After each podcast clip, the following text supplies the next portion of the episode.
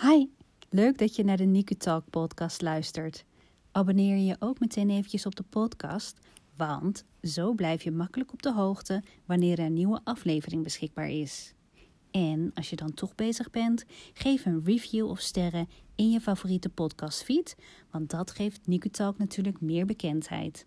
Doen hoor, want zo kunnen we meer pasgeboren ouders bereiken die nu met hun kindje op de NICU verblijven.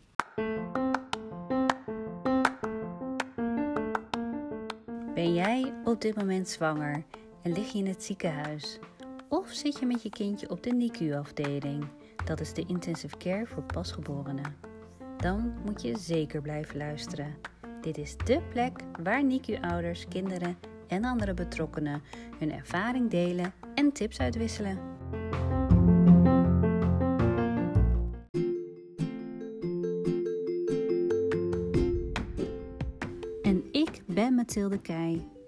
Zelf ben ik moeder van een kindje met een moeilijke start en ervaringsdeskundige.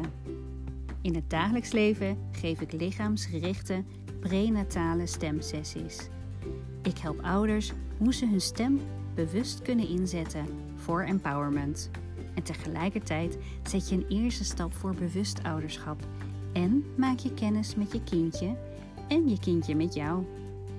En daarnaast wil ik graag alle zwangeren en alle ouders inspireren meer hun stem te gebruiken, zeker bij een moeilijke start.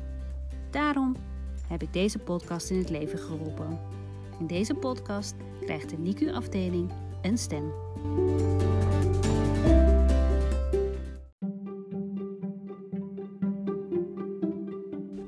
Welkom bij NICU Talk, de podcast, aflevering 2. Gebruik je stem en maak van je hart geen moordkuil. Al dus ICN-verpleegkundige Rosita Wellink.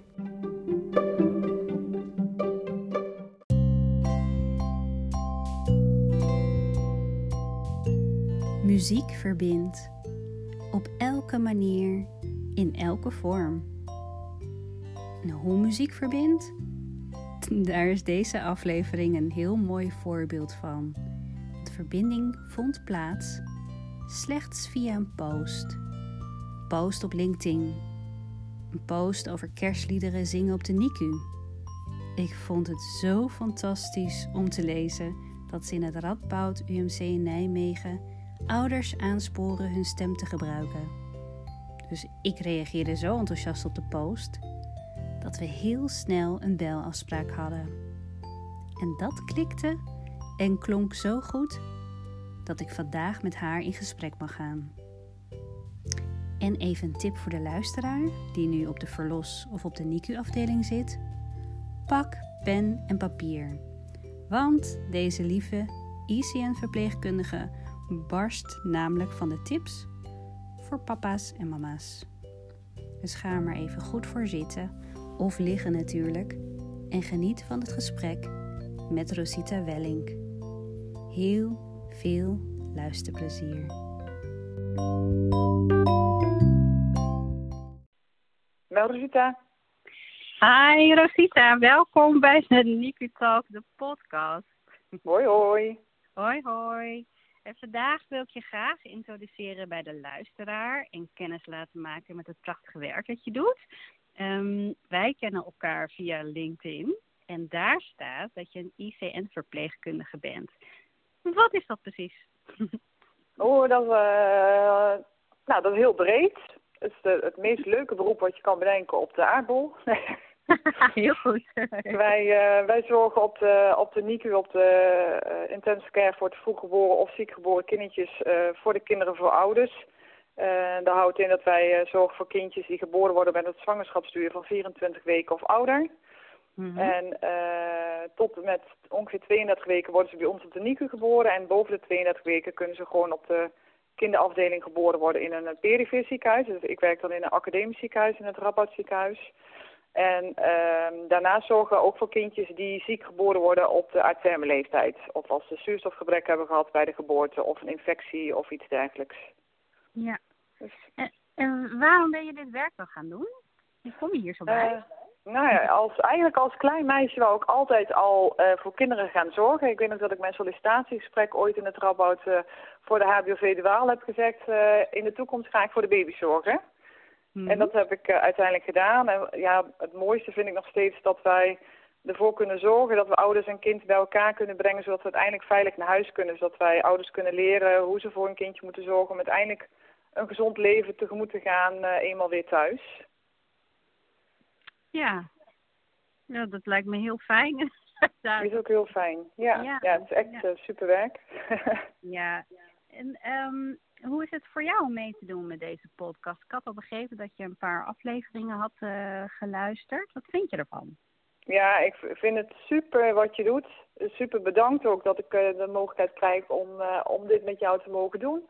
Dat we voor ouders nog meer steun kunnen bieden in de moeilijke tijd die ze nu doormaken op de NICU.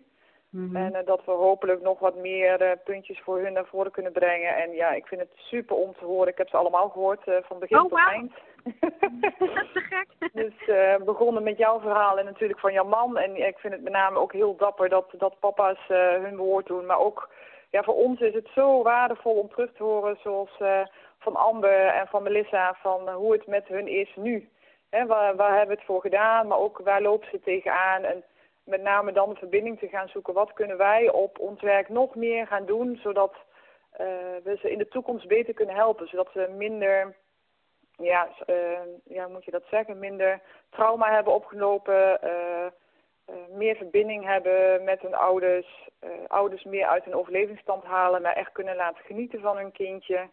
Ja, dat is uiteindelijk wat we, waar we het voor doen. Ja, precies. Ja. Um, je had het ook, uh, we spreken, of ik spreek dan degene die, uh, uh, met wie we een podcast gaan opnemen, en spreek dan altijd eerder, dat we elkaar een beetje alvast kennen. En dan had je het over OGZ en tactiele stimulatie. is dat ook om ehm, ouders of kinderen uit een overlevingsstand te halen? Ja, OGZ is uh, ontwikkelingsgerichte zorg staat daarvoor. Dat is eigenlijk een soort verbastering van de NITCAT. Je hebt natuurlijk de NITCAT training, dat is wat uh, Nick Konneman uh, uit Rotterdam met name scholing geeft. En dat komt natuurlijk vanuit Amerika. En wat we bij OGZ doen is kijken wat je baby vertelt. Ja. We hebben bijvoorbeeld bij ons op de, op de afdeling hebben we ook een boek gemaakt voor ouders. Dat noemen we Baby in Beeld. waarbij we foto's hebben geplaatst van wat vertelt mijn baby. Als hij een handje spreidt, dat hij eigenlijk zegt van stop uh, ik heb nu even genoeg gehad, je moet me even rust bieden en comfort bieden tot ik weer energie heb om de volgende handeling aan te kunnen. Een baby is heel duidelijk in zijn taal. En vaak, um, nou goed, we hebben het natuurlijk met name over de stem van ouders. Uh, de stem is zo mega belangrijk voor kinderen dat je met ze in contact blijft, met ze praat, dat je zegt wat je gaat doen, dat je je aankondigt op het moment dat je binnenkomt. Hè. Net, net zoals wat wij ook altijd zeggen, als jij zelf ligt te slapen om drie uur s'nachts, word je niet blij als de grote lamp in één keer aangezet wordt. Nee, dus als jij in een couveuse ligt en je weet niet dat je op dat moment uh, verzorgd gaat worden, waar we wel naar kijken is dat het babytje zelf wakker wordt. Hè. Vroeger deden we gewoon uh, verzorgen op de tijd, daar zijn we wel helemaal van afgestapt. Wat we nu doen is kijken wanneer geeft het kindje aan dat hij wakker wordt en kunnen we hem dan de verzorging gaan doen. Dus ja. dat zie je of aan de hartslag of als het kindje gaat bewegen of, uh, of kleine geluidjes maakt of dat soort dingen. En dan introduceer je jezelf door langzaam de koffer op te doen. Want over de, de couveuse zit dan een doek voor de kleine, zodat hij toch in het donker ligt. Want in de baarmoeder ben je natuurlijk ook beschermd tegen, tegen het licht. En de, uh, noem je dat, de oogleden die uh, houden maar uh, iets van 30% licht tegen onder de 32 weken. Dat moet nog helemaal ontwikkelen. Dus ze kunnen zich ook niet afweren tegen licht. En ja. uh, als wij dan de kindje zeg maar wakker maken, dan leg je eerst een hand op ze door contact te maken en te praten. Een doekje over de ogen, want je hebt natuurlijk wel iets van licht nodig op het moment dat je het kleintje gaat verzorgen. Mm -hmm. Maar dan bescherm je zeg maar de ogen zodat het niet pijn doet op het moment dat ze echt licht in de couveuse komt. Ja, en het liefst doen wij dan de, de, de handeling met papa en mama samen. Dus wat wij ook uh, proberen zo snel mogelijk te doen, is dat ouders zelf aanleren wat ze allemaal voor een kleintje kunnen doen. Zoals te helpen met verschonen, uh, het mondje verzorgen en uh, ja, het liefst vanaf minuut één buidelen. Ja, en is dat de tactiele stimulatie? Ja, dat, is, dat staat echt nog in de kinderschoenen. Wij gaan, uh, wij gaan een nieuw traject opstarten, omdat we ouders veel meer in hun kracht uh, willen gaan zetten. Dat is eigenlijk ook, hè, want wij zijn natuurlijk uh, in contact gekomen door een post die ik op LinkedIn had geplaatst over zingen aan de couveuse. Ja, ja. En ehm, wij willen ouders zeg maar nog meer stimuleren in het zingen en praten aan de couveuse, maar ook het contact maken met je kindje. En uh, sommige kindjes zijn zo kwetsbaar en zo fragiel dat ze, uh, een simpele aanraking echt al heel veel stress veroorzaakt. Ja. Maar een, een, simpele aanraking van papa en mama is natuurlijk heel anders dan een aanraking van ons als verpleegkundige. Dus wat wij bij tactiele stimulatie willen gaan doen is dat kijken wat een kind ons vertelt en wat kan die aan. En je kan uh, tactiele stimulatie al doen door bijvoorbeeld niet de hand al op het kindje te leggen, maar dan gewoon het hand boven het kindje te laten zweven. Dus dat hij voelt dat je er bent en als de moeder of, of, of uh, vader dan kletst met het kindje, krijgt hij ook gelijk die binding van de stem met de warme handen van papa of mama. Ja. En vaak zie je dat ze heel snel dan er wel aan toe zijn om gewoon stille handen van papa en mama op het kopje, op het kontje of op het buitje, dat je op die manier gewoon stil contact maakt, zeg maar. Ja, prachtig. En dat is, dat is tactiele stimulatie en dat hopen we in de toekomst gewoon echt aan alle ouders al te leren. We willen die lessen zeg maar uh, bij ons op de NICU dan gaan geven um, aan moeders die al opgenomen liggen. Want je hebt vaak die periode, ja, je hebt best wel moeders die best lang op de, op de uh, kraamafdeling liggen, zeg maar, op verloskunde. Uh, stil liggen om hun kindje zo lang mogelijk bij zich te dragen. En in die tijd kunnen wij natuurlijk al heel veel uh, laten leren van praat met je kindje, zing met je kindje, maak contact in de buik, leg je handen op je buik en laat het kindje er naartoe komen. Hè, dat ze er tegenaan schoppen. Of, en dan proberen we ook al wat tools te geven. Maar wat kun je allemaal wel doen op het moment dat je bij ons op de NICU bent? Want we hebben jullie heel hard nodig. Want jullie zijn de meest belangrijke personen voor onze kinderen op de NICU. Ja, precies. Wel echt um, ja, prachtig. Want want ik zag dus jullie uh, post op, uh, op uh, LinkedIn met de kerst. En ik zag dat jullie de stem dus introduceerden. Ja. En um, nou, dat vond ik dus al echt fantastisch dat jullie dat ja. al... en het mooie is Mathilde, je ziet echt zo veranderingen komen. Ouders die automatisch al um, verhaaltjes gaan opnemen uh, laatst had ik een kindje uh, waarvan de ouders zelfs een soort haarband hadden gekocht... waar dan een muziekoortje in zat. Hè? Want we, het probleem is dat je... We kunnen geen oordopjes bij de kindjes in de oren doen. Dat past natuurlijk ook niet. Nee. En dit was een of andere ja, haarband. Volgens mij kwam die bij bol.com weg. Weet ik al niet eens meer. Maar die kwam ergens vandaan... Uh, waar ze dan in opgenomen hadden met verhaaltjes van de stem van ouders. Oh, geweldig. Ja. Geweldig. Ja, en ik, mijn vraag was, hè, wanneer introduceren jullie de stem? En ik, ben, ik vind het echt wel fantastisch dat jullie dan ook al op die kraamafdeling, uh, op de verlosafdeling, dat ook al introduceren. Want ja, precies wat je zegt, die moeders die hebben dan toch, nou ja, veel tijd, soms wel, uh, hè, voordat hun kindje kan komen. Dus het ja. is al fantastisch dat jullie ze dan al handvatten meegeven om, uh, om al ja, te werken willen gaan meegeven. Ja, ja. ja, het, moet, het moet echt opgestart worden, want wij lopen natuurlijk ook tegen de coronamaatregelen aan. Want wij zouden in januari gaan starten uh, met scholing. Maar ja, je zit met ruimtes en maximaal zoveel mensen erin. Dus wat we wel doen zijn dat onze collega's van verloskunde, want onze OGZ-werkgroep zeg maar, die is gewoon over de hele afdeling verweven. Dus we hebben van zowel de NICU als de post als de verloskunde mensen in onze werkgroep zitten. Dus het wordt wel nu al gestimuleerd. Alleen hopen we dat we echt die les nog breder kunnen gaan zetten. Dus dat je uh, meer nog zelf kan brengen zeg maar, naar ouders en meer kan uitleg geven en, uh, en het nog meer kan uh, benoemen en ehm, ja, promoten, zeg maar. En wat zijn de reacties van ouders hierop?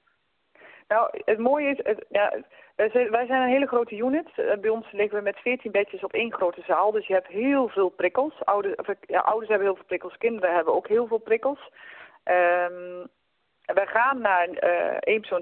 De, uh, de hoop is dat de bouw in uh, 1 januari klaar is. Dus dan gaan we in 2022 straks op eenpersoonskamers. Dat maakt het makkelijker. Je merkt wel, weet je, sommige ouders zijn spontaan of die kunnen ook mooi zingen. We hebben ooit een keer een sessie gehad en dat was echt wel heel gaaf als een kindje wat bij ons aan de hartlongmachine zit. Dus dan moeten we echt alles overnemen van het kindje. Nou, dan zit je in een mega heftige situatie, natuurlijk voor ouders ook.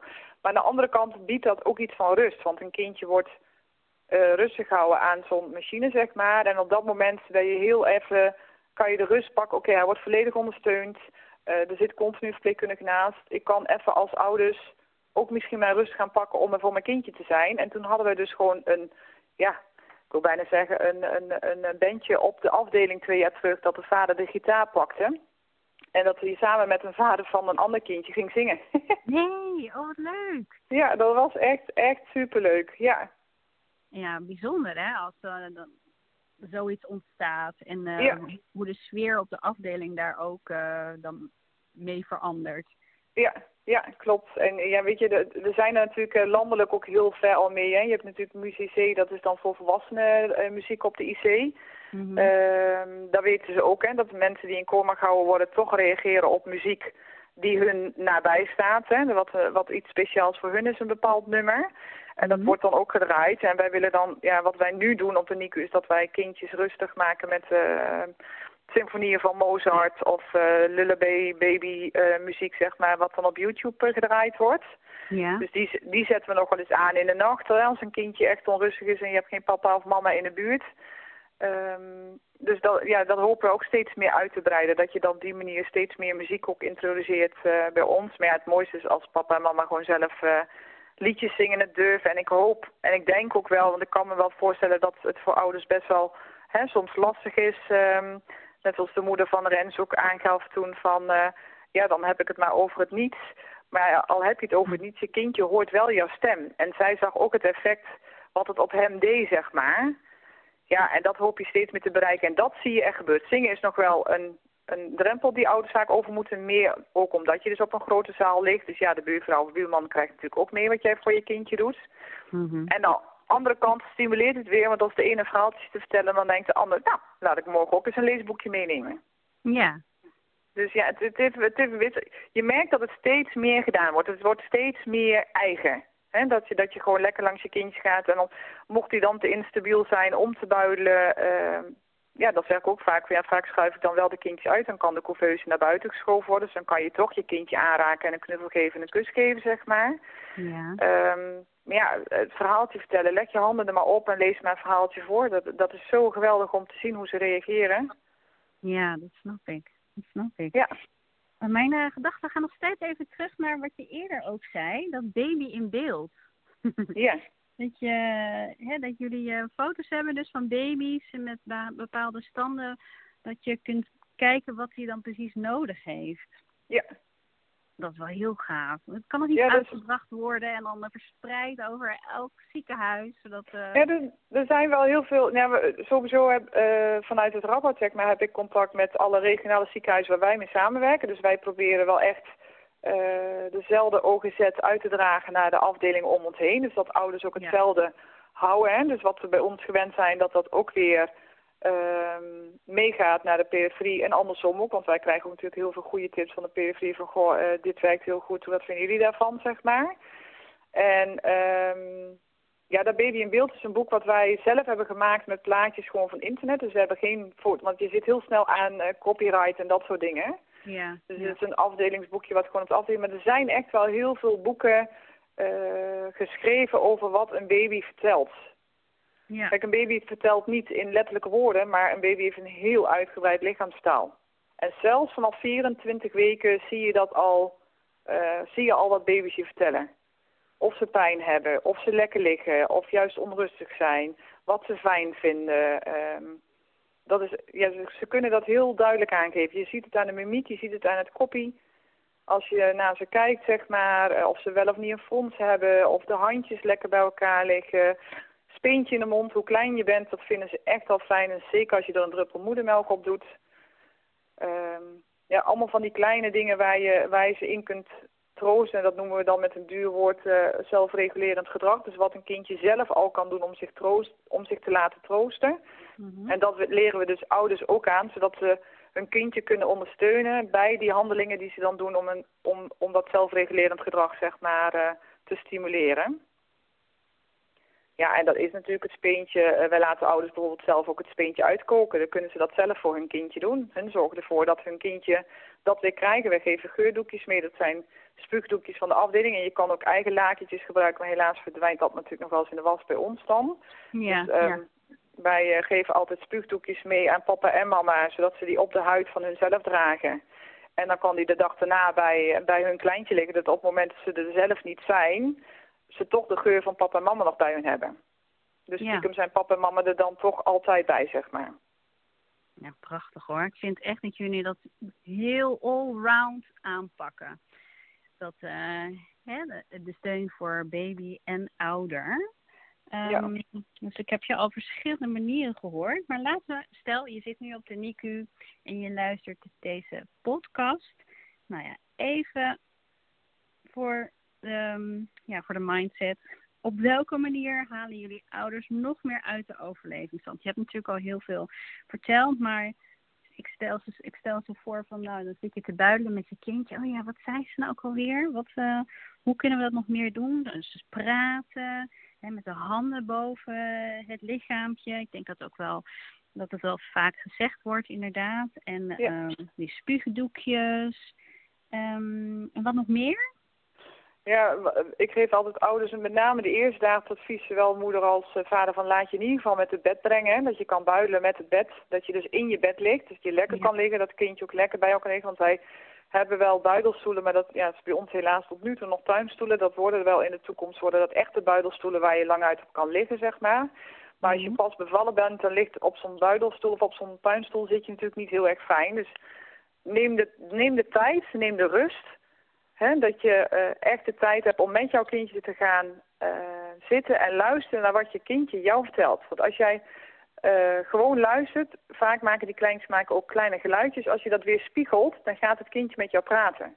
Dus als hij een bepaald geluidje maakt en jij spiegelt dat geluidje terug, dan zul je zien dat jouw kleintje weer op jou reageert.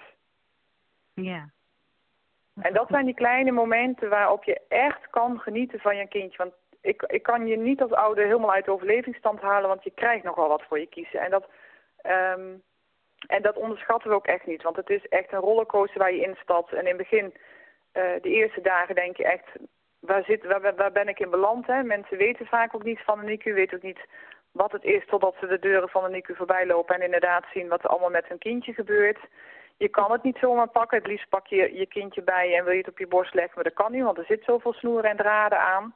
Mm. Um, maar de momenten dat het wel kan, pak ze. Ga langs je bed zitten. En wat ik ook zeg, als kindje slaapt, ga gewoon naast je kindje liggen op, of zitten. En op het moment dat jij praat, dan zul je zien dat jouw kindje binnen 10 tot 15 minuten op jou gaat reageren.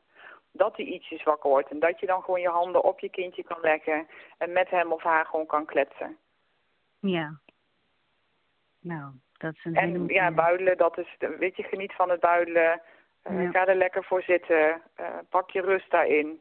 Uh, voor de kinderen, hoe langer je het volhoudt, hoe beter het ook voor jou is. Want je maakt zelf ook goede hormonen aan of ontspanningshormonen aan.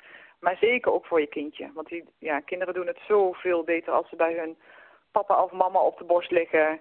Ehm, en kunnen ontspannen, zeg maar. Ja. Ja, prachtig. En we hadden het net ook eventjes over de, de verlos- en de kraamafdeling. Hè, dat um, ouders soms al uh, lang moeten wachten eer een kindje geboren wordt. Hè, omdat ze misschien door uh, een medische indicatie hebben.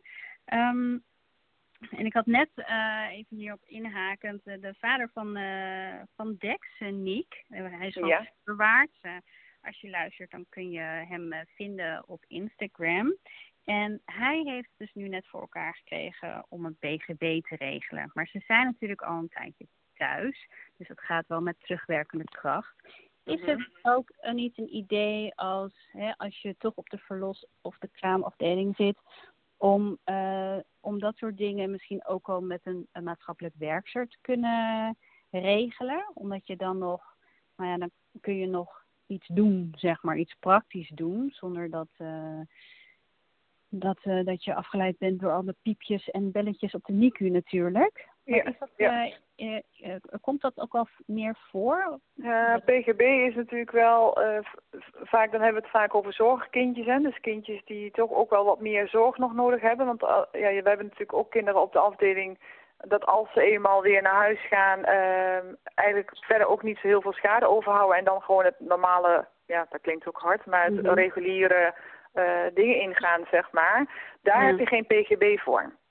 Dat kan Nee. je daar niet voor starten. Maar andere zaken die wel heel belangrijk is, hè, net zoals jij als jij ZZP'er bent, eh, zijn natuurlijk best wel zaken die je al kan regelen voor, voor je verlof.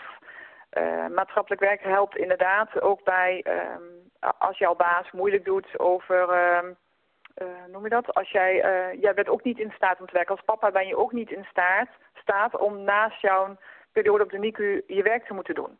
Ja. En wij, wij geven er wel het- advies, neem je baas maar eens mee. En laat je kindje maar zien hoe die ligt op de NICU. Ja. Ja. Want precies. die, m- men snapt het niet. Men, men weet niet wat er achter de deuren van een NICU gebeurt. Men weet niet wat het voor ouders betekent als ze daar liggen. En wat voor impact het heeft op je hele leven. Ja. En, en dat weet familie en vrienden weten het ook niet. We zeggen ook wel eens als tip van...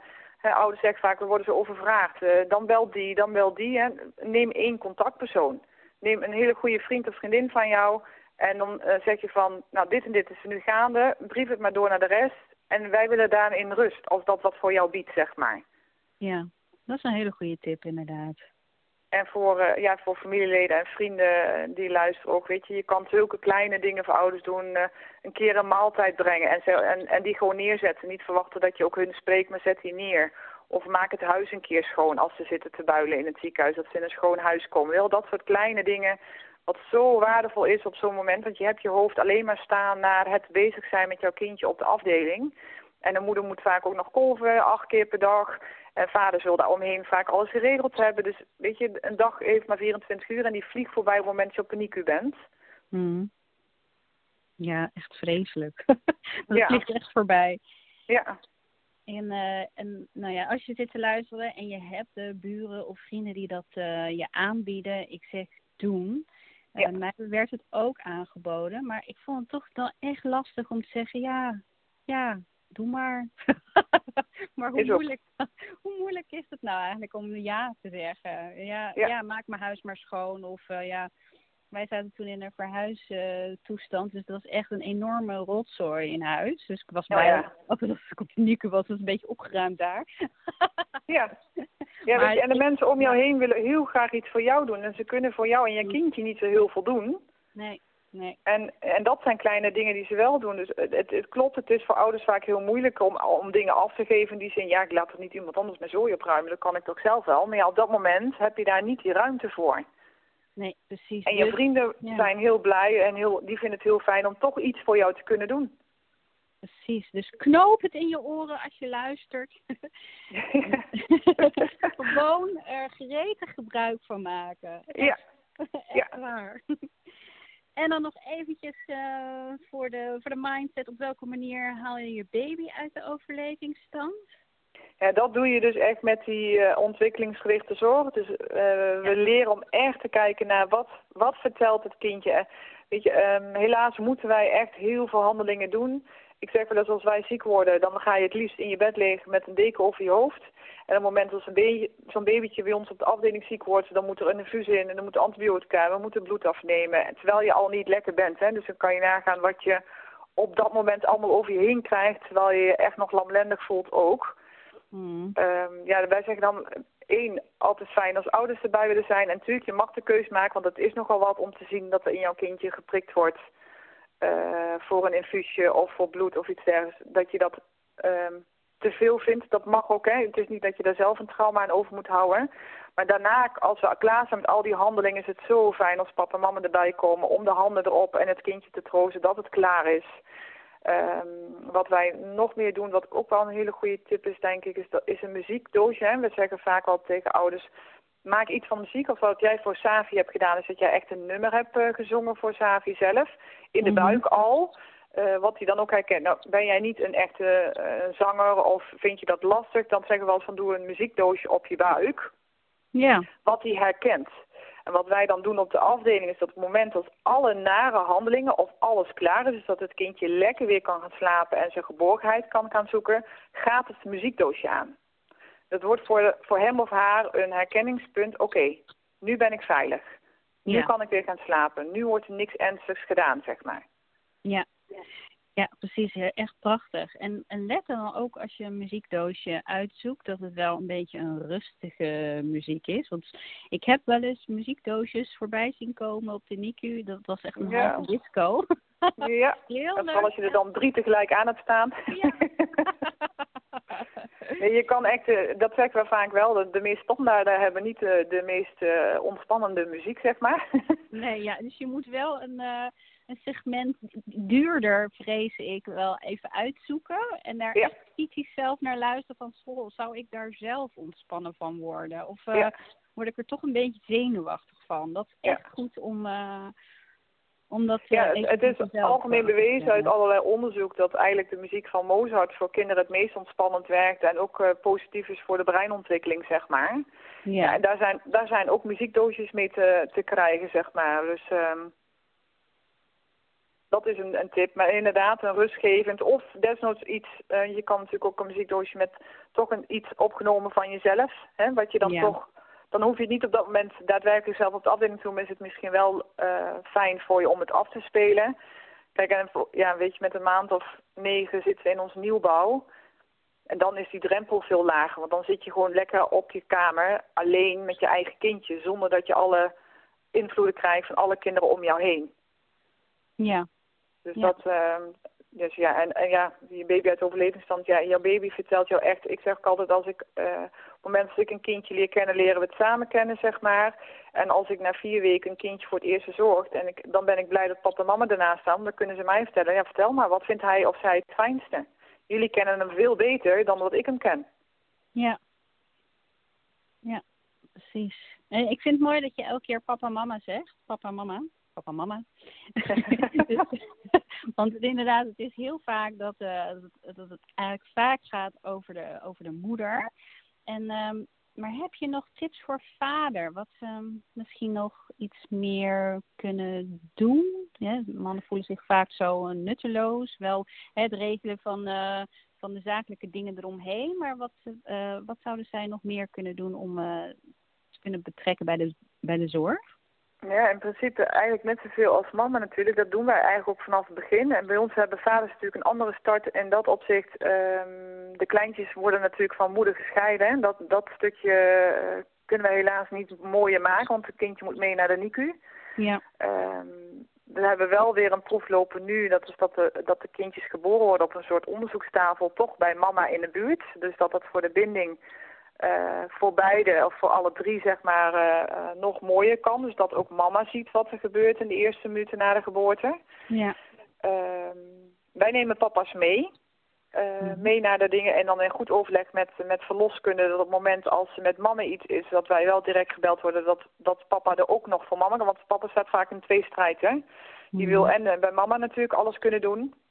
Maar Ja. wil er ook voor hun kindje zijn.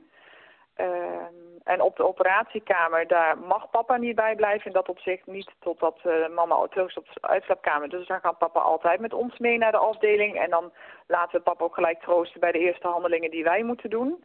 Mhm. Ehm, en dan eh, wordt papa gebeld, of wij worden gebeld op het moment als mama opgehaald mag worden. Dan gaat papa mee mama ophalen, dus dat voor mama gelijk het bekende gezicht gelijk eh, weer aanwezig is.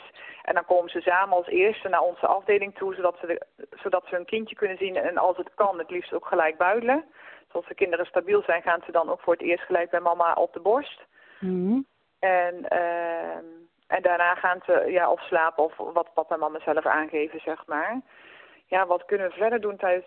Ja, weet je, we, we betrekken eigenlijk papa's net zoveel als mama. En wat je wel ziet is dat papa's heel snel het buidelen toegunnen aan hun vrouw, zeg maar. Van buidel jij maar, ehm, geniet jij maar. Maar ja, hun mogen natuurlijk net zo goed genieten van hun kindje.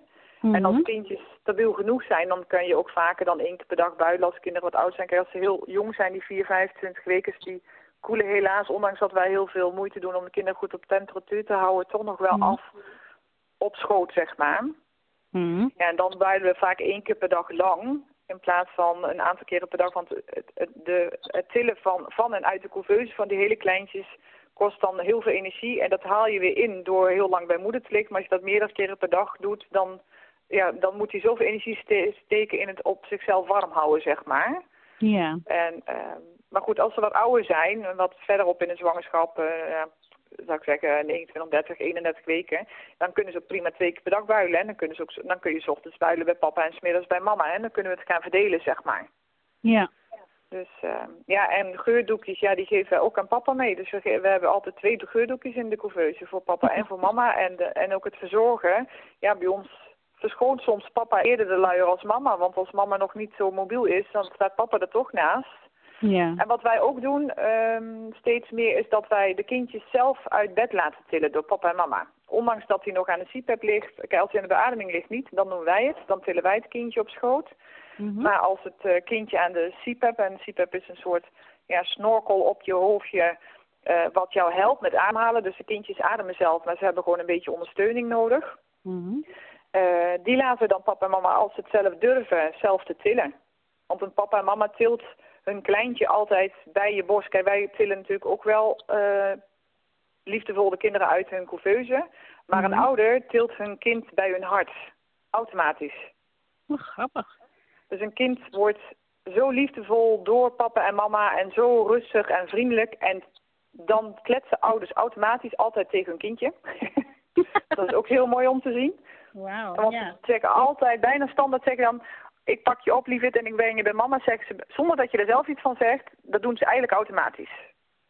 Ja. En dan leggen ze hun kindje bij, bij, bij papa of bij mama, want mama tilt of papa tilt. Maar dan ben je allebei betrokken bij de zorg. Je hebt allebei een belangrijk rol. En wij laten dan ook ouders het, het bedje zelf verschonen. Dus wij hebben gekleurde laakjes in de, in de, in de couveuse, zeg maar. Dus niet, eh, niet meer standaard wit wat we vroeger hadden.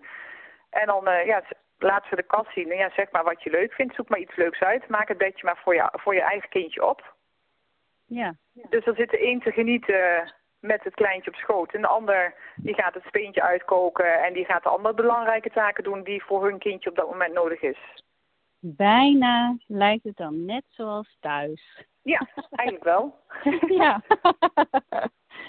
Ehm, eh, ja, komen we eigenlijk. eh, ja, je hebt al zoveel tips gegeven. Het is echt, eh, ik vind het zo fantastisch en waardevol dat je dit met, de, met de, mij en met de luisteraars deelt. Ik hoop ook echt dat gewoon moeders met pen en papier toch. Oh, ik moet toch even pen en papier erbij pakken. Zulke mooie, mooie dingen waar we meteen, meteen in de praktijk kunnen brengen. Ja, Dus eh, we hadden een vraag, hè, oproep aan de luisteraars. Luisteraars kunnen dit mogelijk ook aangeven. Benoemen waar ouders juist eh, eh, hard voor nodig hebben, handvatten bied- bieden. Waren tips. En je had ook, welke tips heb je voor ons als ouder, Mathilde, voor verpleegkundigen? ja. Ja, en jij hebt natuurlijk ook alle, al, ehm, wat, nou ja, alle podcastafleveringen gehoord. Heb je daar ook nog misschien nog ideeën door opgedaan? Ehm, ja, zeker. Weet je, zoals de, de, de papa van Dex eh niet dus zei van, eh, dat, dat hij juist de rust nodig had. En dat mensen maar bleven vragen. Ja, dat is dan natuurlijk Ja. een goede tip van neem iemand in de arm die dat voor jou kan doen. Die jou dichtbij staat, waar jij een half woord genoeg hebt om te vertellen hoe het met jouw kindje gaat. En dat diegene daar in een grote groepsapp of weet ik veel, de, de, de organisatie rondom dat voor jou overneemt. En ja, de, de grootste tip naar ouders is, maak van je hart geen moordkuil. Zeg waar je mee zit.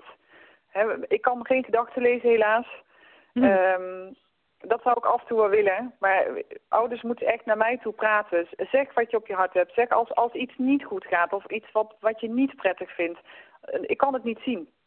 Nee. En soms zie ik wel dingen. Hè? Als ze, als ze eh, signalen afgeven, dan kan ik dat benoemen en dan bepraat ik dat ook. Maar ja, 9 van 10. Ik vind het heel vervelend als jij ongerust naar huis gaat en de hele avond denkt... Hoe zou het gaan? Ik ging niet goed weg. Hij is niet lekker. Het gaat niet goed. Of bel mij terug, hè, want je mag ons 24 uur per dag bellen. Je bent ook 24 uur per dag welkom op de, op de afdeling. Eh, helaas Mhm. kunnen wij geen slaapmogelijkheid bieden, dus het is wel eh ja, s'nachts heftig om langs je kindje te moeten blijven zitten. Maar goed, als jij dat graag wil, ben je natuurlijk gewoon van harte welkom. Mhm. Maar als jij ook, eh, weet je, laatst had ik ook een mama die, eh, die gaf aan dat haar kindje het eh, naar haar idee niet goed deed. Was een mama van een, eh, een kindje van wat ooit een gemel was, waarvan het eerste kindje bij ons helaas al overleden was. En zo'n moeder staat enorm in de overlevingsstand. En de angst is enorm. Die, je bent zo bang om je andere kindje ook nog kwijt te raken, want je bent al een kindje kwijtgeraakt. Ja. En ehm, ik zorgde toevallig voor het eerst ook voor dat kindje. Dus ik had nog niet eerder voor gezorgd. Het kindje was inmiddels vier weken oud. En die was wat verder in de ontwikkeling. Dat kindje gaf heel mooi aan dat hij eigenlijk honger had. Mijn Mhm. moeder was echt heel ongerust. Zo begon het bij de anderen ook. En dat kindje waren we in acht uur tijd kwijt aan een enorme infectie. En die, die begon ook zo, hè? een beetje wat, wat, wat miepend, kreunend. Ja. Nou, toen hebben we samen met, met mama, omdat zij het benoemde naar mij toe, kon ik haar daar meenemen. Want ik had dat natuurlijk niet gezien, want ik zag gewoon een, een kindje die het goed deed en die Mhm. naar mijn idee honger had. ja. Maar als zij dat niet benoemd had, was zij met een onrustig gevoel weggegaan. En nu hebben we samen, ik zeg, oh, maar ik denk dat jouw dochtertje juist nu honger heeft. Dus weet je wat wij doen? We gaan een speen pakken, we pakken een beetje moedermelk voor jou, we doen daar een, moeder, een druppel moedermelk op. En dan geven we haar het speentje en dan kijken wat ze doet. Mhm. Nou, ze at het speentje bijna op, dus dat scheelt. en Ja. daarnaast bleef het een beetje, weet je, zo'n onderbuikgevoel wat de moeder ook kan hebben. Ik zeg, weet je wat we doen? We halen de dokter er nog even bij. We gaan samen nog even de, de kleine nakijken. En als we dan allemaal denken van, oké, het is toch het, de honger. Ik zeg, ga de voeding ook aanhangen. Dan loopt het voeding langzaam in naar buiten. En dan kunnen we zien of ze daar rustig van wordt. En die moeder ging uiteindelijk gerust naar huis. Ja, mooi. Ja. En, en, maar anders kan je ook niet, als jij s'nachts, dat zeg ik ook als ik heb als ouders ochtends vroeg aan de telefoon naar de nachtdienst. Ja, ik heb de hele nacht slecht geslapen. Ja, waarom dan? Ja, ik had de indruk dat hij zo onrustig was. Maar waarom bel je me dan niet even? ja. Want dan ja. kan ik zeggen hoe het met jouw kindje gaat. En we zijn eerlijk aan de telefoon. Ik ga niet tegen jou zeggen, als hij onrustig is, hij ligt lekker te slapen. Dat, Ja. Dus ik geef je echt eerlijke informatie. Maar als hij dan lekker ligt te slapen, dan hoor je ook dat hij lekker ligt te slapen. Hè? Of ik kan hem nog even een knuffeltje van je geven, kan ik hem doorgeven voor je. Allemaal van die kleine dingetjes die je dan even kan doen. Maar je moet het benoemen. Dus echt de grootste tip die ik aan ouders wil geven. Zeg wat je op je hart hebt. Want heel veel kan. En het Ja. is jouw kindje, het is niet mijn kindje. Ik mag op jouw kindje passen, maar het is jouw kindje. Ja. Ja, prachtig. Nou, heel goed dat jullie dat zo, ehm, zo uitspreken. Hè? En dat ook nog een keer benoemen. Zeg het. Zeg gewoon wat je op je hart hebt. Ja. Zo, eh, Ja, en luister naar je moedergevoel. En ik, ik kijk liever tien keer extra samen met jou naar jouw kindje en ook naar papagevoel. Vaders eh, hebben op een gegeven moment ook een hele goede band met hun kindje, voelen ook aan. Ze zien, ouders zien het. Als hun kind anders reageert, als jij een kindje al drie weken op onze afdeling hebt, dan zien ze dat ze anders reageren. Ze zien dat er wat aan de hand is. Ja. En dan kan het iets simpels zijn en het kan ook een darmkrampje zijn wat je dwars zit. Waar we ook wel aan kunnen handelen en kunnen we er ook een beetje buikmassage geven of een voetmassage of iets warms bieden, waardoor de krampjes wat sneller afnemen.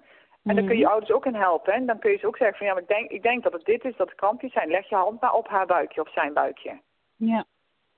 Dan maak je het rustig mee, warmte ontspant de darmpjes en dan heb je wat minder last van de krampjes. En die komen en die gaan. Dus als jij er bent voor je kindje en je benoemt het, dan snapt dat kindje het ook weer en kan die daarna weer gaan slapen. Ja. En eh, hebben jullie ook video eh, of camera's boven de, boven de Ja, kinderbedjes? babywatch. Ja. Ja. Ja. Oh, super. Ja, dus je kan, je kan, daar kan je delen met wie je wil. Je kan er alleen zelf naar kijken. Maar ja, nu in coronatijd is natuurlijk het, het grootste euvel. En dat is echt verschrikkelijk. Ik hoop dat het snel voorbij is. Dat we geen opa's en oma's en ooms en tantes eh, op, eh, op de dingen mogen. Gelukkig mogen broertjes en zusjes inmiddels wel weer de afdeling op. Want dat mocht in eerste instantie ook niet. Dus je werd als gezin ook gewoon echt uit elkaar ge, ja, gerukt, wil je bijna zeggen. Ja. Ehm, dat is inmiddels wel weer, maar je kan het niet delen. En door de babywatch kan je toch laten zien eh, hoe het met je kindje gaat en hoe die erbij ligt. Want ja, als jij zegt, ja, hij, ligt, hij ademt zelf, maar hij heeft CPAP op zijn neus. Ja, wat is dan CPAP? Ja, kijk maar in de couveuse, dan zie je dat hij een mutsje op heeft met een soort snorkeltje op zijn neus. Ja, dat helpt hem dan met ademhalen. Ja. En dan kan je het ook familie laten zien. Iedereen die jij de inlogcode geeft, wij, wij sturen naar ouders eenmaal wat de inlogcode. En het is aan ouders zelf met wie ze dat delen. Ja. Nou, En op het moment als wij het kindje gaan verzorgen, dan, dan draaien we de camera even weg, omdat je dan heel schokkend beeld krijgt. En dat kan er heel na uitzien, terwijl er eigenlijk niks aan de hand is, maar kan voor ouders heel vervelend zijn, zeg maar. Ja. Dus op, en, en sowieso vinden wij ook dat het kind ook in dat opzicht nog wel een beetje privacy heeft als je de, de luier en alles gaat verschonen, zeg maar. Mhm.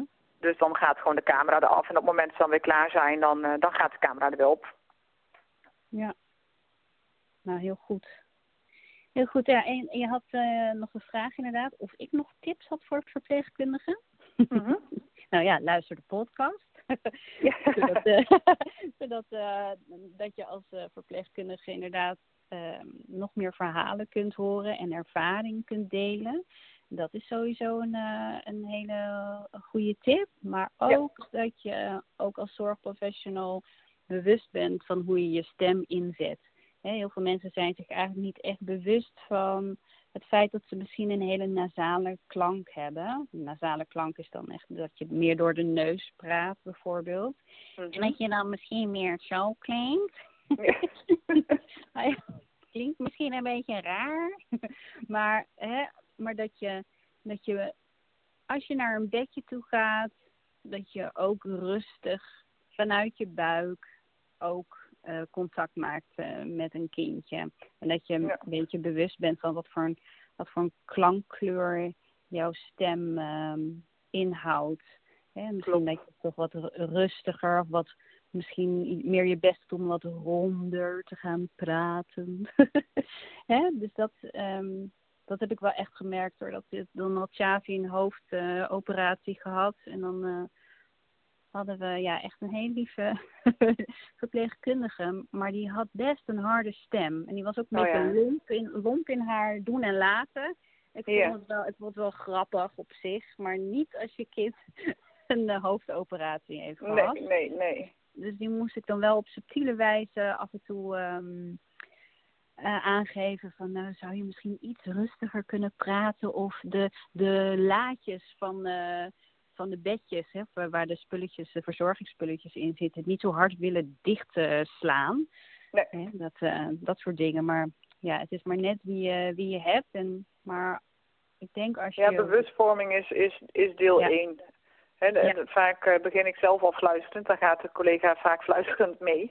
ja, heel goed, ja. ja als ze net slapen. Want we hebben natuurlijk ook, ja, bij ons is het gewoon een grote afdeling. Dus we hebben natuurlijk de, de aterme kindjes, zoals we dat noemen. Kinderen die geboren worden bij uh, een voldragen zwangerschap. Uh, die liggen ook gewoon op een tafel. Dus voor hun komt ook alles binnen. Ieder alarm dat van de buurman gaat, komt ook binnen. Dus ja, zet op tijd het alarm uit en laat hem niet zo lang gaan. Um, ja, dat zijn allemaal van die tips inderdaad. Dat, dat zit ook in ontwikkelingsgerichte zorg geven aan ouders, maar we geven het ook aan onze collega's. Dus um, en uh, ja, daarmee benoemen we dit soort dingen inderdaad ook altijd nog weer. Uh, dat het zo belangrijk is, ook hoe jij in je vel bent, dat dat direct invloed heeft op jouw kindje. Uh, wat je op dat moment verzorgt. Als jij heel stressvol bent, dan, dan ben je ook automatisch stressvol aan het handelen. Mm. Wat ook weer zijn weerwerking heeft op het kindje. Dus wees bewust voordat je naar de couveuse toe gaat, hoe je zelf bent. Ja, dat is echt zo belangrijk. Ja. als je een ruzie hebt gehad met je man of met je kinderen, laat het alsjeblieft even buiten de deuren van de NICU. Eventjes gewoon jezelf resetten, even flink zuchten en dan pas die ruimte betreden. En ja, of klets even met je collega erover dat je het even kwijt bent. En dan daarna de verzorging gaan doen. Of doe het met z'n tweeën. Als je voelt dat je heel veel stress hebt, neem een collega mee en dan kan die de handen erop leggen zodat die het kindje kan troosten terwijl jij de handelingen kunt doen. Dan kan je elkaar erin ondersteunen. Ja, ja, of papa of mama natuurlijk, hè. Die het liefst. ja, en uh, wat mij eigenlijk ook opvalt is dat je... Ehm, kijk, er zijn steeds meer cursussen te volgen voor een natuurlijke bevalling. En, uh, en dat je een geboorteplan inlevert uh, als je wordt opgenomen. Maar die werelden liggen soms zo uit elkaar. Dat, um, ja, dat merkte ik dan hoor. Dat is dan eigenlijk meer voor de verlos- en de, en de kraamafdeling, niet zozeer voor de, voor de NICU. Maar ja, ik denk, weet je wel, tegenwoordig kun je neus uh, aanmeten of uh, nieuwe borsten laten implanten. maar dat, uh, ja, ik weet niet, dat er ook een soort van meer openheid is van wat er buiten die deuren van zo'n ziekenhuis gebeuren zeg maar, drie jaar geleden moesten we nog wel best wel strijden voor, nou ja, dat ik toen een badbevalling bijvoorbeeld wilde.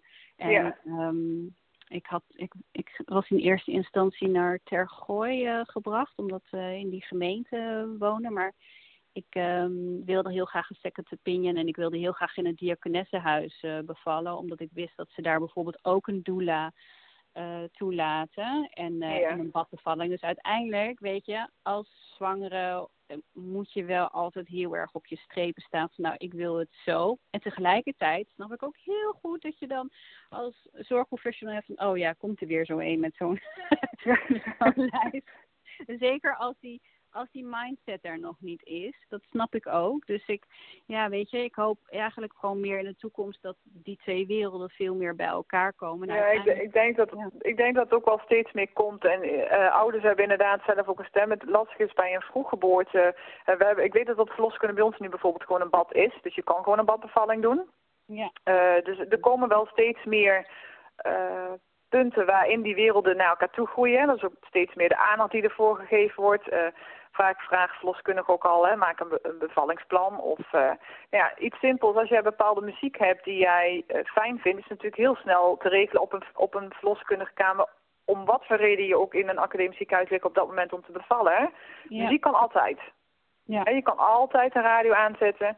Alleen het nadeel is bij een, een, ja, een vroeggeboorte dan komt er natuurlijk een hoop stress uh, bij extra.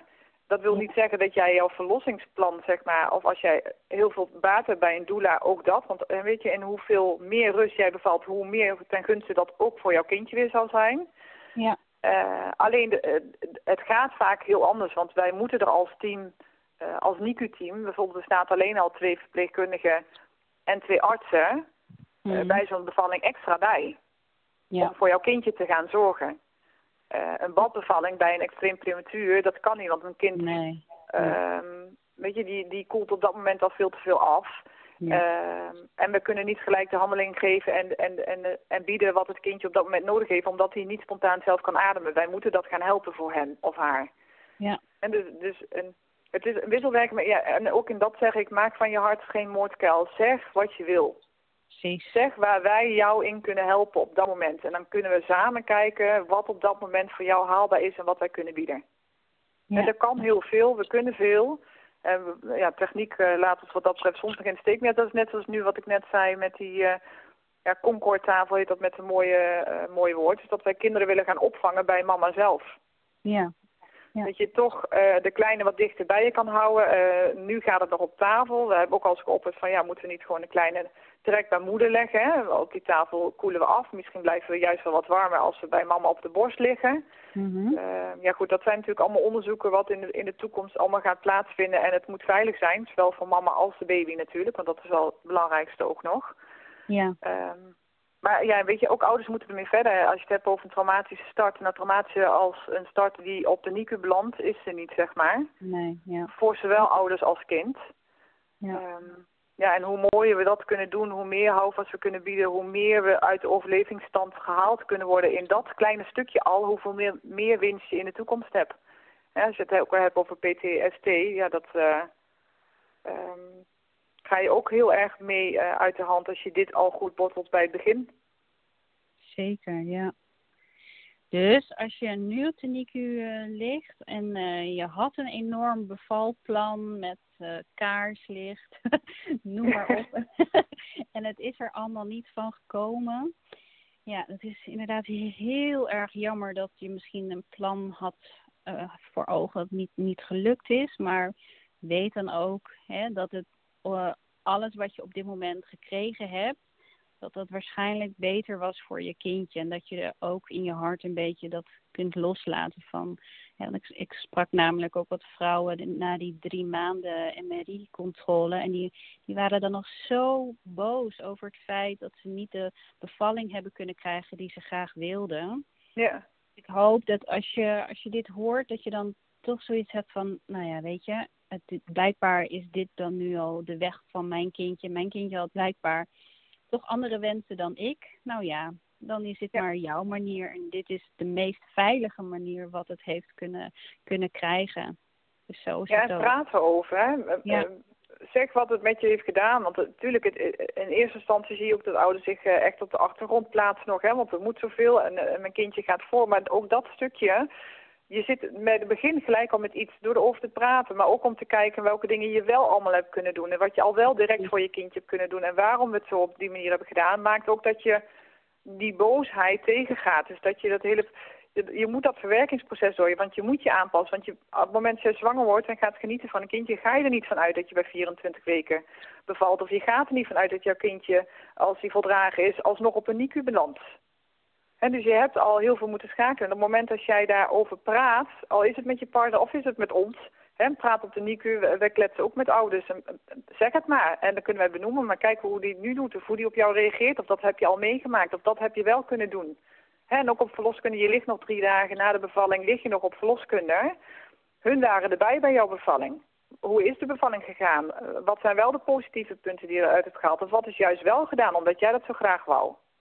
Precies. En het is, ja. dat, dat helpt zoveel. En daar worden we ons wel steeds meer bewust van. Dat, weet je, in het begin houden we onze mond en we draaien om het kindje. Maar juist alles moet op, op dat moment al een plek krijgen. hoe meer je al uh, samen hierover hebt en laat zien wat jij al voor je kindje kan doen, zorgt ervoor dat je zoveel meer uh, uit de overlevingsstand staat en zoveel meer al open bent om van te genieten van je kindje als je straks weer thuis bent. En ook een tip wat de ouders van Niek zeiden, op het moment dat je iemand thuis bent, doe de deur op slot.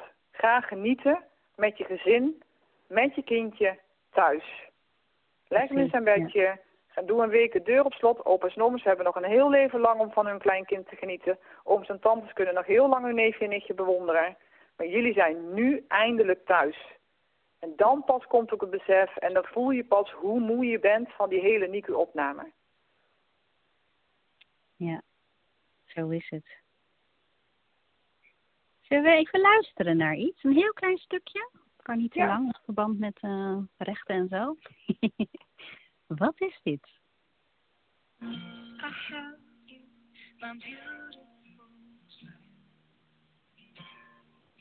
And I'll keep your heart in mind.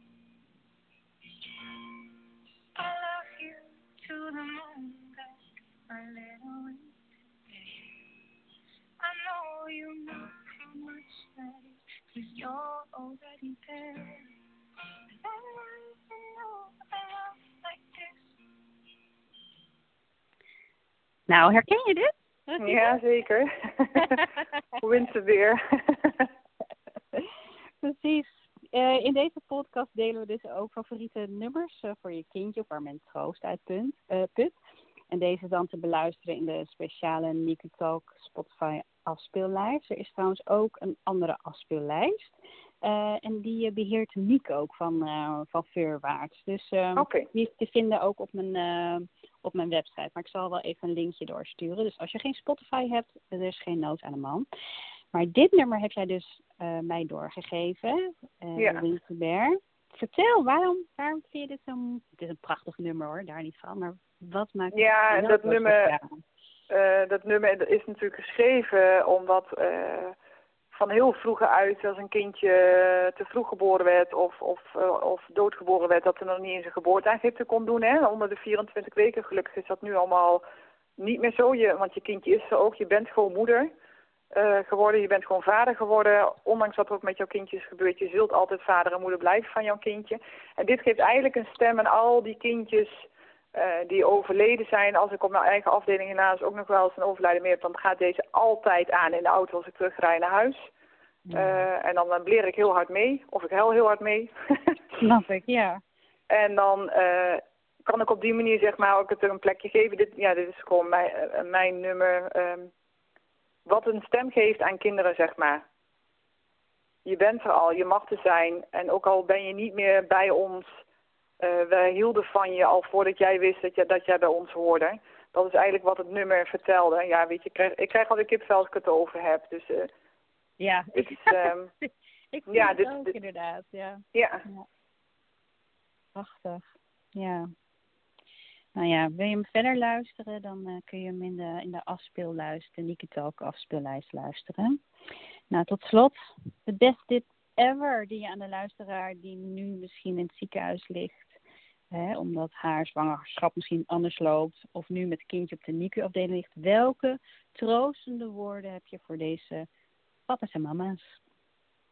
Uh, ja, zeg, zeg wat je wil zeggen. Ja. Maak bespreekbaar wat je wil zeggen. En voor de, de mama's die nog op verlos kunnen liggen, uh, kom bij ons binnen. Maak kennis op de NICU. Uh, vraag een rondleiding. Weet je waar je, waar je kindje straks terecht komt. Maar dan hoor je ook wat jij al voor je kindje kan gaan doen. Praat tegen je kindje. Uh, zoek de binding in de buik met je kindje. En als die bij ons op de NICU ligt, maak binding met je kindje. Kom lekker naast je kindje zitten. Leg je handen op je buik of op de buik van het kindje, op het hoofd van het kindje. Praat tegen hem of haar. Ehm, en praat met ons. Zeg echt waar, waar je mee zit, wat je graag wil. En dan kunnen wij kijken wat wel kan en wat niet kan en, en waar we je in kunnen helpen. Er zijn heel veel tips tegelijk, geloof ik. Ja, ik, ik, ik ben opgehouden met schrijven, maar... ja, weet je, en, ja. ik nodig ouders ook van harte uit. Het, eh, dingen waar je tegenaan lopen. Eh, wij gaan bijvoorbeeld bij ons in het ziekenhuis nu een enquête opstellen van waar kunnen wij jullie in helpen. Help ons om jullie te helpen, zeg maar. Dat, dat wat jullie ons kunnen geven aan informatie, eh, andere tips. wat moeten we meenemen, wat moeten we juist laten... Uh, dingen die gebeuren tijdens de bevalling, wat niet duidelijk is. En wat jij ook zo mooi beschreef van... Uh, ik werd niet gefeliciteerd, dat zal wel bij horen, want mijn placenta is nog niet geboren. Ja. Ja. Ehm, weet je, dat soort dingen, da daar, daar leren wij ook van. Wat, wat, wat, wat, wat doen wij en hoe komt het bij ouders over? En hoe kunnen we ze het beste ondersteunen in hoe dit later met hen verder gaat? Want hun moeten uh, hier de toekomst mee in. Hun mogen straks voor een kindje zorgen. Hun mogen straks een kindje mee naar huis nemen. En moeten ook vertrouwen hebben in hun kindje. En dat begint al aan het, aan het prille begin. Zeker. Nou, zo heb ik weer duizenden tips straks. Dus. ja, en willen mensen mij benaderen, dan mag dat ook als ik uh, dingen kan doen voor ze of, of wat dan ook. Uh, ze zijn van harte welkom.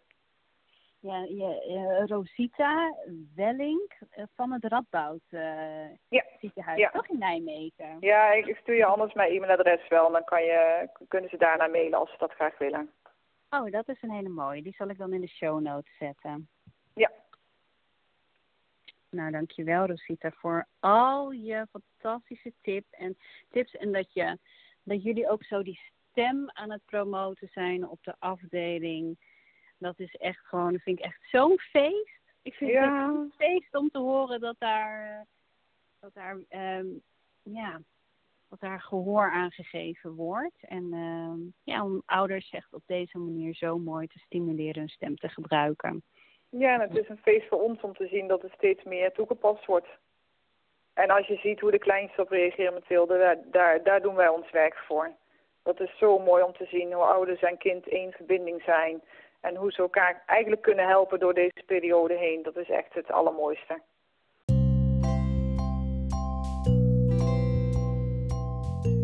Wat mij keer op keer opvalt, is dat NICU-ouders vaak terugdenken aan die ene speciale NICU-verpleegkundige. En ik kan me zo voorstellen dat veel ouders en kinderen Rosita Wellink in hun harten gesloten hebben. Ik hoop dat je met heel veel plezier naar haar hebt geluisterd en direct alle tips direct kunt inzetten voor je kindje. Het nummer Winterbear van Kobe Grant is in de NICU Talk Spotify afspeellijst te beluisteren en let op, er is ook een speciale Apple Music afspeellijst gemaakt door Niek van Veurwaarts. Zie de muzieklinkjes in de show notes en wat je daar ook kunt vinden zijn de contactgegevens van Rosita. Dus heb je nog vragen, schroom dan niet te mailen. En ben je nu nieuwsgierig geworden naar de magie van de moederstem en heb je naar aanleiding van deze aflevering nog vragen over hoe je jouw stem kunt inzetten tijdens of na de zwangerschap?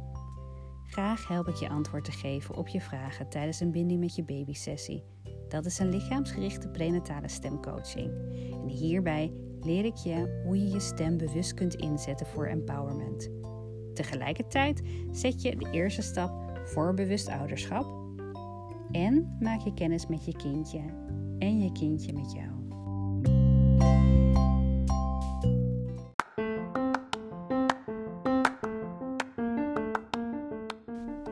Dank dat je hebt geluisterd naar deze podcast. Heb je genoten? Abonneer je dan op de podcast, want zo blijf je makkelijk op de hoogte wanneer een nieuwe aflevering beschikbaar is. En als je dan toch bezig bent, geef een review of sterren in je favoriete podcastfeed, want dat geeft NICU Talk meer bekendheid. Doen hoor, want zo kunnen we meer pasgeboren ouders bereiken die nu met hun kindje op de NICU verblijven. Nou, lig je nu in het ziekenhuis en ben je nieuwsgierig naar wat een prenatale stemsessie voor jou kan betekenen? Neem dan nu contact met me op. Wil je reageren, je verhaal delen of de podcast natuurlijk sponsoren? Kijk dan even in de show notes voor de doneerlink of kijk even op de website www.haalmeeruitjestem.nl onder het kopje Binding met je baby.